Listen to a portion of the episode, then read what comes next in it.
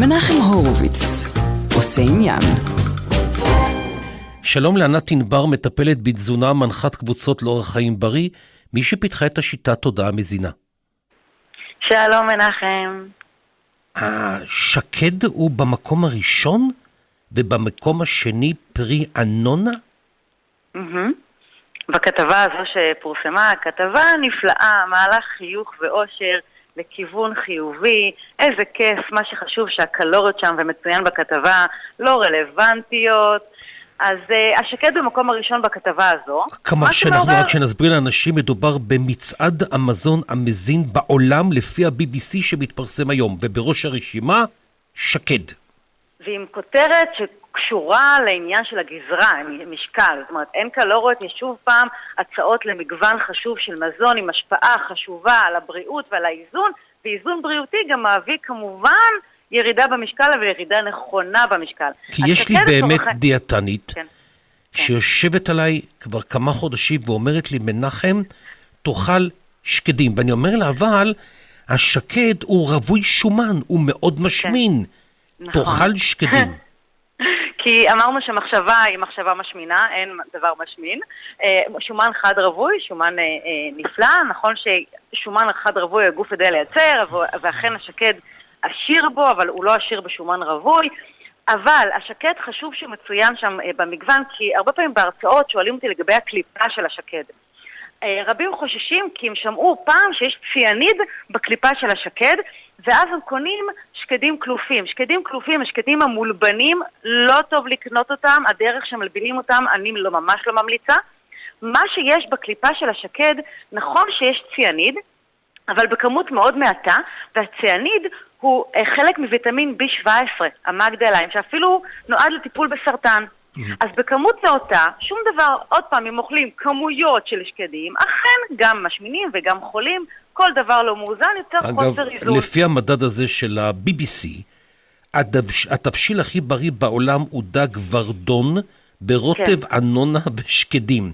עכשיו תראי, עם כל הכבוד לך, אני לא יכול כל יום לאכול דג ורדון עם אנונה נכון. ושקדים, ולהוסיף לזה גם, במקום הזה, מקומות אחרונים אני רואה פה בטטה. אתה מתעלם מהכוסברה. מהכוסברה, אני יודע גם למה. הכוסברה במקום ה-61. כן, כן. מה שחשוב מכל הכתבה כמובן גם השילוב בין האנונה לדג, וזה לא שילוב נכון תזונתית, אבל מה שחשוב זה לפתוח את המגוון, ויופי שמכניסים את הכוסברה, למרות שיש כאלה שאוהבים ויש כאלה שלא אוהבים כוסברה, אבל השילוב של הירוקים, השילוב של הגרעינים והאגוזים במידה הנכונה, בכמות הנכונה, שאנשים באמת יקראו ויבינו שיש באמת מרכיבים תזונתיים חשובים ולעזוב את הקלוריות. הבטטה שם באמת אה, אה, נמצאת, הבטטה כמובן עדיפה מהתפוח אדמה, מבחינת, אה, מה שהם אומרים שם בכתבה זה מבחינת האיזון התזונתי, כי בכל דבר, בכל מזון יש גם מרכיבים אנטי-תזונתיים, או מרכיבים תזונתיים יותר גבוהים או יותר נמוכים, שם הם לקחו מזונות שיש בהם איזשהו איזון פנימי. אבל עדיין גם שם כתוב שזה חלק מתפריט מגוון ומאוזן, זאת אומרת לא, לא השקד לבד ולא הבטטה לבד יביאו אבל מה. שכן, לדוגמה, תאכלו הרבה מאוד פיצות. למה? כי העגבנייה. האדומה קיבלה ציון טוב יחסית והגיעה למקום ה-61 כן. עם חמש ושבעים ונוגעות. זאת אומרת לי, מנחם, תאכל הרבה פיצות. אני אומרת לא, אני אומרת רק לא אה. הרבה. הדבר היחידי שלא זה לא הרבה.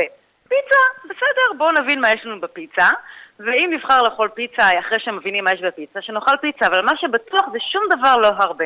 זה לא בריא. הרבה לא פעמים, בריא. הרבה פעמים, את יודעת, יותר קל לנו לזכור מה לא כדאי לאכול.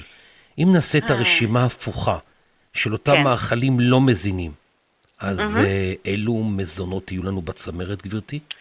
זה בעיקר מבחינתי היום כל התחליפים, תחליפי סוכר, כל המזונות המעובדים עם החומרים משמרים וכולי, אבל אם נסתכל מסביב וניקח כל פעם פריטים מגוונים, אנחנו נגיע לאיזון ונשמור על סדר ארוחות ולא על נשנשת, נשתה מים ולא שתייה ממותקת.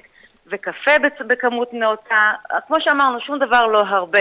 אז כל מזון נותן את הגיוון שלו, חשוב, חשוב יפה. לפתח את הידע, כי גם המזונות יכולים לרפא, אם יש מחלה מסוימת, אז חשוב לדעת את הידע.